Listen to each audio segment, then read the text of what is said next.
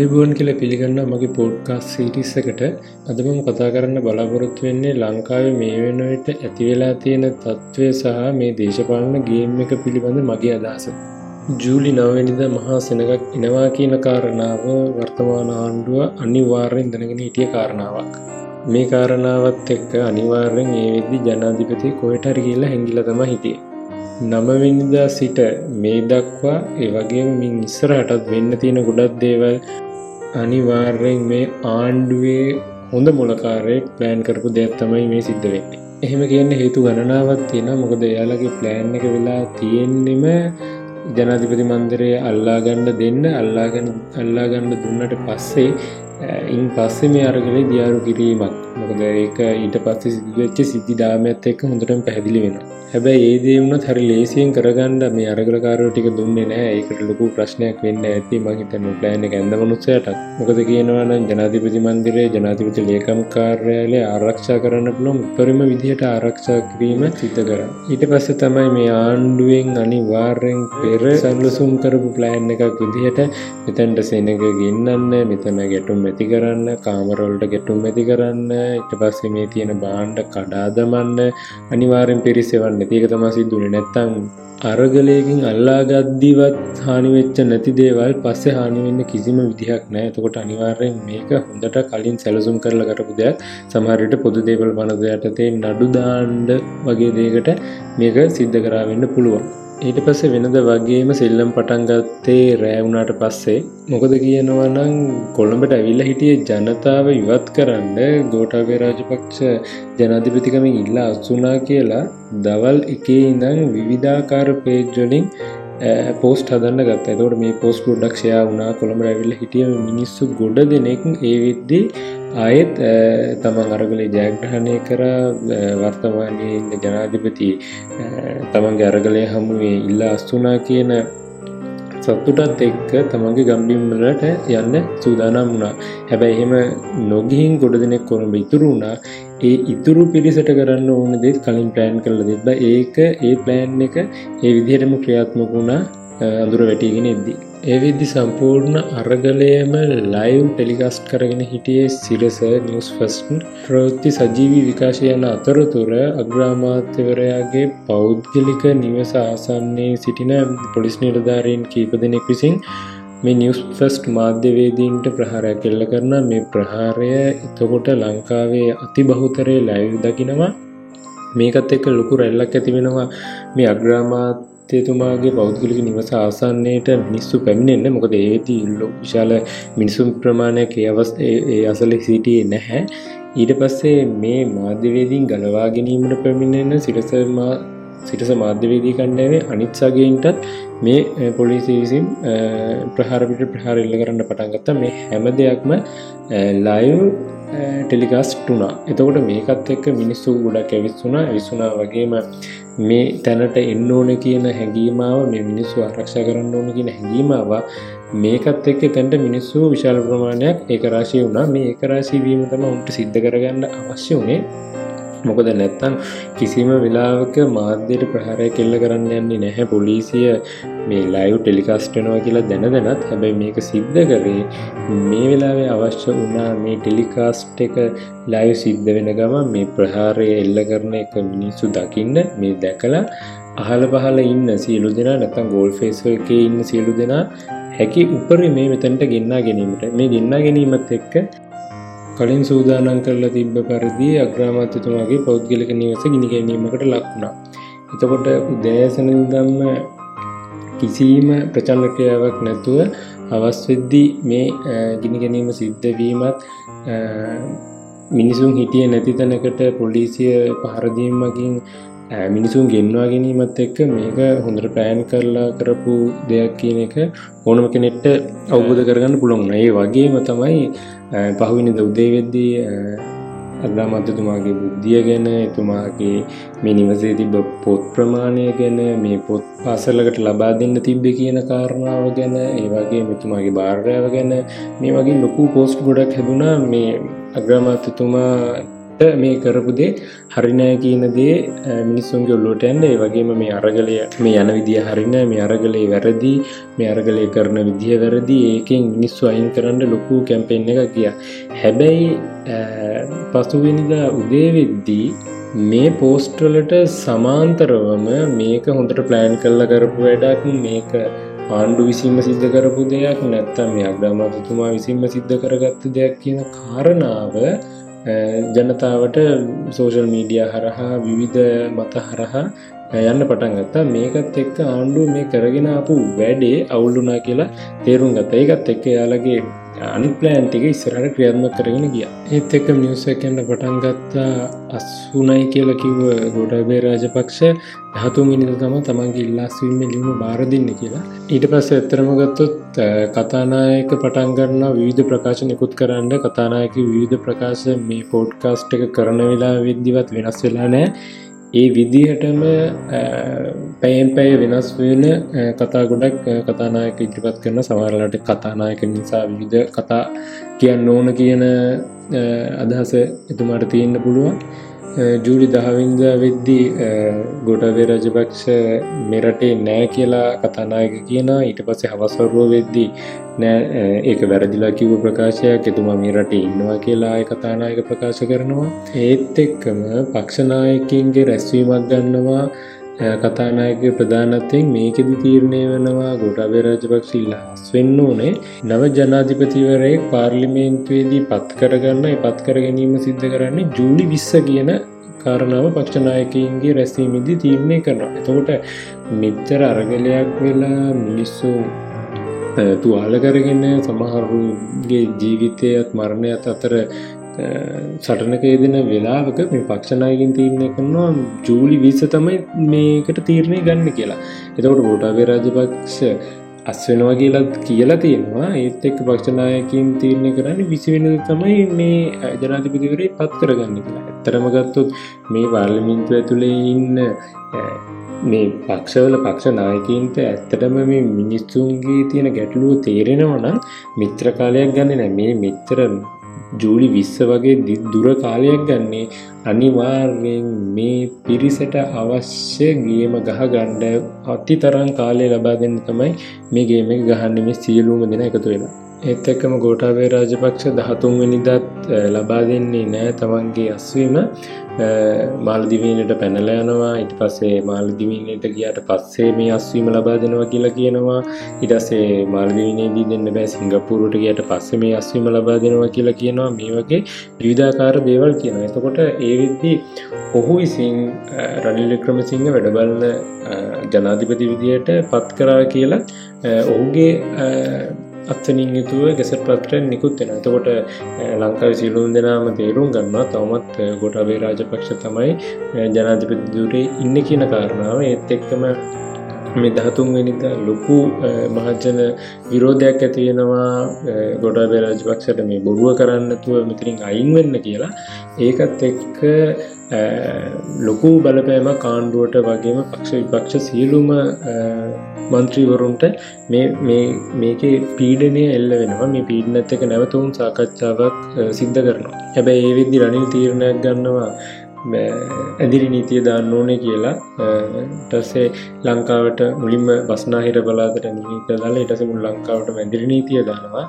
ඒත් එක්කම මේ ගේම් එක අනිත් කොටස ප්ලේ කරන්න පටන් ගන්නවා. මොකද කියනවන්න ප්‍රචන්්ඩත්වෙන් තොරව ගියපු අරගලයට කවරුන් හෝ පිරිසක් නැත්තං කවරු හෝ චරිත කීපයක් එකතු වෙලා රාත්‍රයේදී පාර්ලිමේන්තුවට රැස්වෙන්න කියනවා. පාර්ලිමේන්තුවට පාර්ලිමින්තු අත්පත් කරගන්න යනවා වගේ වැඩක් සිද්ධ වෙනවා. ඊට පස්සේ මේකදී විශාල ගැටුම නිර්මාණය වෙනවා. හැබැයි මේ වෙද්දී මේ අරගලේ සැලකී යුතු නායකත්වයක් ගන්න අන්තරයේ නැවතත් ඒ පිරිසට ගෝල් ෆේස් එකට පැමිණෙන්ට කියලා ආරාධනා කරලා සිටිනවා මේ මිනිස්සුන්ට. හැබැයි මේ ජූලි දහතුන් වෙනිදා රාත්‍රී ඇතිවිච්ච සිද්ධිය සම්බන්ධයෙන් පසුදින ජුලි දා හතරවෙනිද ලොකු කතා භාක් යනවා මේ අරගලයේ මුලින් දම්ම හිතපු කීප දෙනෙක් මේ අරගලය තමන්ගේ පෞද්ගලික වාසයට යොදාගෙන මිනිස්සුන් ගෙන්න්න ගත්තා කියන කාරණාව ගෙන ලොකු චෝදනාවක් යනවා ඇත්තට මේක වෙන්න පුළුවන්. මොකද කියනවනම් මේ අරගලේ මුලයිඉඳම් එක කාල තිසේ පැවැති චරගලයක් මේ ගෝටාගෝගම කියන පරිශ්‍රය කාලයක් තිසි තිබ එතකොට මේ පරිශ්‍රය තුළට මේ ආණ්ඩුවට අවශ්‍ය කරන පුද්ගලයෝ කතිකත්වය තියෙන පුද්ගලෝ කීප දෙනෙක් ඇතුල් කරලා එයාලට මේ අරගලය තුළ යම් අයිකන්න එකක් හදල දීලා ඊට පස්සේ අයිකන්න එක තමන්ට අවශ්‍ය පරිදි මේවන්ඩ යොදාගත්තා වෙන්න පුළුවන්. ඉතින් එතකොට ඒ චරිත වැඩ කරන විදිහත් එක්ක අපිට අනුමාන කරන්න පුළුවන්. මේක ඇත්තටම මේ මේ අරගලයද කරන්න නැතම් මේ මෙයාගේ පෞද්ගලික ඇජෙන්ඩායගත්ද මේ කරන්නේ? නැතම් මෙයාට මේ අරගලය තුළ තමන්ගේ ෆලෝවස්ල වැඩි කරගන්න දෝන කියන එක හරියට කල්පනා කරලා වෙලොත් අපිට අදසක් ගන්න පුළුවන්. එතකොට මේ ගොඩක් දේවල් මේ ලොකු පොලිටිකල් ගේම් එකක් ඇතුළේ සිද්ධ වෙන පොඩිපොඩි දේවල් කියලා අපිට පොඩි හරි අදසක් ගන්න පුළුවන් වෙනවා. ඒත් එකම දහතුන් වෙනිදා පෝය දවසේ සාමාන්‍ය අරලිය ගහ මන්දිරේ ජනාතිපති මන්දිරේ බණවැඩ සටහනක් ඉදිරිපත් කරනවා වගේ සිරස පටන්ගන්නවා ඇසල පෝය දවසේ උදෑසන සජිත් ප්‍රේමදස මහත්මයගේ හිදර බණ පෙන්නන්ඩ සජීවී විකාශයක් ලෙස. එතකොට අර දෙරණින් හිරුව එකෙන් රූපවාහිනය මෙච්චරකල් ජනාතිපති අගමැති නිවසට ගිහිල්ලා මේ පෝයදවසට බණහන එක සජීව පෙන්න්නනවා වගේ සිරස ඊට පහුවෙන දමයාර මේ අරගලේ ලොකු කොටසත් සිද්ධ වෙච්ච දිනයට පහුවනිදා සජිත් ප්‍රේමදාසක නැත්තම් විපක්ෂනායකගේ ගෙදර බණහන වැඩසටහන සජීව පෙන්න්නන්න පටන් ගන්නවා. මේකත් එක්කත් සමාජ මාධ්‍ය ලොකු කතාබහක් යනවා.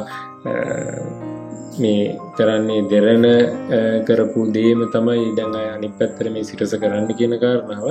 එතකොට මේ ඕනම දෙයක් කරක්චල්ල කිවෝ වගේම මේ චරිත යම ආයතන උළුප්පා දක්වනවා වෙනුවට අපි මේ ඕනම දේක ඇතරම සිරස නමවැනිද සේ සිරස කරපු දේ නිසා ලොකු අවධානයක් ලොකු අදහසක් මිනිස්සුන්ට හමුණා තින් එහෙමයි කියලා කවුරුත් පුද්ගලින්වත් මේ වගේ ආයතනවත් මේ දේවත්වයෙන් සලකණ්ඩ අවශ්‍යතාවයක් නැහැ. එතකොට මේ අපේ ගුවන් කාලය මේ මේ රූපවාහිනි නාලිකා ගන්නේ අපේ ගුවන් කාලතෝ මේවා අපිට හිමි දේවල් මේ හැම රූපවාහිනි නාලිකාවකම මේ සංඛ්‍යාත මහජනයාට ලංකාවේ බදුගවුණු මහජනයාට අයිති දේවල්.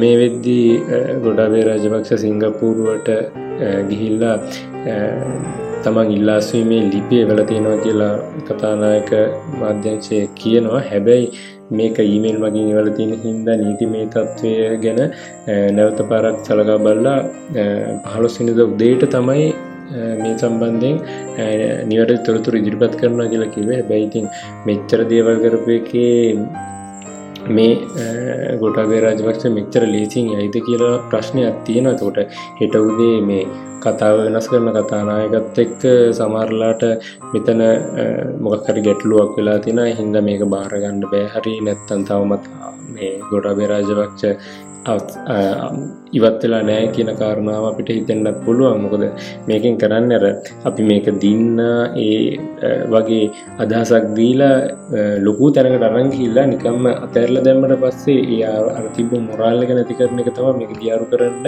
යොදාගන්න ගන්න පුළුවන් තවත් උපක්‍රමය ඒ වගේම තමයි ඊට පස්සේ ඇතිවන තත්වය වෙන්න විසිවෙනි දවෙත්. අපිතම ගෝටව රජපක්ෂම අයින් වෙලා මයි කියලා. මේ අයින්වීම සම්බන්ධයෙන් ප්‍රෝත්තිය අද්දිම වර්තමාන අග්‍රාමාත්‍ය නැත වැඩබලන ජනාධිපති විසින් ආරක්ෂක අමාත්‍යංශය යටතට ඉතාමත් විශාල සංඛ්‍යාවක දෙපාර්තමේන්තු ආයතන පවරා ගැනීම සිද්ධ කරන විශේෂ කෙසට් පත්‍රයක් මගින. ජූලි මාසේ විසිවෙනිද වෙද්දී අපිට විශ්වාස කරන්න පුළුවන් වෙයිද මේ ඇති වෙලා තිබ ක්‍රමයක් එක්ක මේ ලංකාවේ සිද්ධ කරලා තියෙන මේ හොරකං මැරකං වලට දඩුවන් දෙන්න ඒ දේවල් නැවත අය කරගන්න පුළුවන් නායකයෙක් විසිවිනිද? මේ දෙසි විසිපා පත් කර ගනීද කියන එක ලොකු ප්‍රශ්නයක් තියෙන ඇත්තරම එහෙම වෙන්න විදිහක් නැහැ. මොකද එහෙම සිද්ධයක් කරොත් අපි හොඳාකාරුණු දන්න මේ දෙසිවිසි පාතුළ තින්න ගොඩ දෙනෙක්ට ගෙදර යන්න වෙන නැත්තම් හිරේට යන්න ගෙදරට කෙසේ වෙතත් හිරේට යන්න වෙන එතකොට ඒ වගේ තත්ත්වයක් එක්ක මේ දෙසි විසි පාට ගැන අපට විශ්වාසයක් කරන්න පුළුවන්ද? ජූලි විස්ස වෙද්දි හැම පුද්ගලේ පත් කරගන කියලා.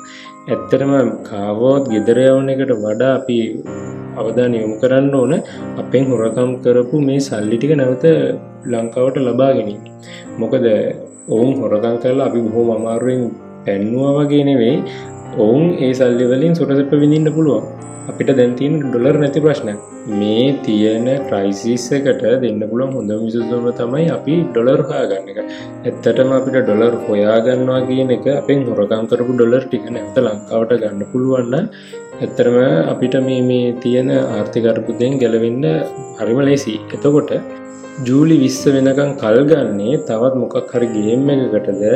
එහෙමත් නැත්තන් ජූලි විසිවෙනිදා අනිවාර්යෙන් මේ හොර නඩේ බේරගන්න මේ හොර නඩයට විරුද්ධ ක්‍රියා කරන්නේ නැති කෙනෙක් ජනාධිපති විදිහට පත් කරගෙන අපෙන් හොරාකාපු සල්ලි ටිකම ඒ හොරු ටික විසින්ම නැවත ලංකාවට තව වසරක් ඇතුළත කාලයකදී නැවත සැරයක් ගෙනල්ලා ඒකෙන් ව්‍යාජ විසඳුමක් ව්‍යාජ ආර්ථික පුනරුදයක් ඇති කරලා සමරලාට නැවතත් මේ ලංකාව මිනිස්සුන්ගේ චන්දය ගන්න පුළුවන්. එතකොට මේ අරගලයත් එක්කම අපි මේ මිනිස්සුන්ගේ ඔළුව හැදීම අරගලය පටන් ගන්න ඕනේ.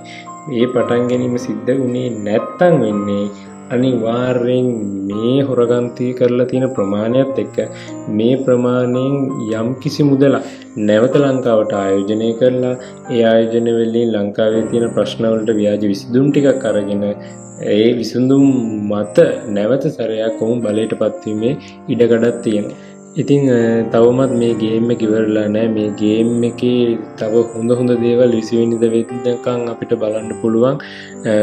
ඇත්තරම අපි හරිටම තම ජයග්‍රහණය කරලනෑ මේ වෙද්දි ජීවිත ගැප කරලා ජීවිත පූජා කරලා මේ අරන්තියන ජයග්‍රහණය අපි නැති කරගන්නේ නැතුව මේ කරගෙනාව වගේම පුද්ගල චලිත උරුපා දක්වන්නේ නැතුව අපිට පුළුවන් මේ අරගල ඉස්සරහට අරගන්න එකට නායකත්වය ගණ්ඩ අරගල භූමිය තුළ අරගලේ මේ වන වියහයක් හැදිල දින ඒ වියහත් එක්ක එකතු වෙලා ඒ විවහයත් එක්ක අපි අපේ සටන අරං යමුතෝට අනිවාර්ය මේ අයින් කරන්න බෑ කියල කිව්ව අසාර්ථක පාලක අයින් කරාවගේ අපිට පුළුවන් මේ රට නැවත දියුණු කරන්න. හැබැයි ඒ අතරතුර මේ ගේම් එක අපි හරි අවබෝධ කරගත්ත නැත්තන් ඇතරම අප යහුවෙන්න්න පුළන් මහුණොත් අපි මේ මිනිස්සු ජීවිත පූජාවෙන් මේ ලබාගත ජයග්‍රහණ නැති කරන්න විදිහට වැඩ කරන්න පිරිසින්නන අනිවාරයෙන් පිරිස් විවේචනය කරන්න ඕන. ගොදලු විශාල පිරිසක්කින්න මේ අරගලය තුළඉන්න චරිත එකක් දෙකක් විවේචනය කරලා මේ අරගලින් ඉවත් කරට කමක්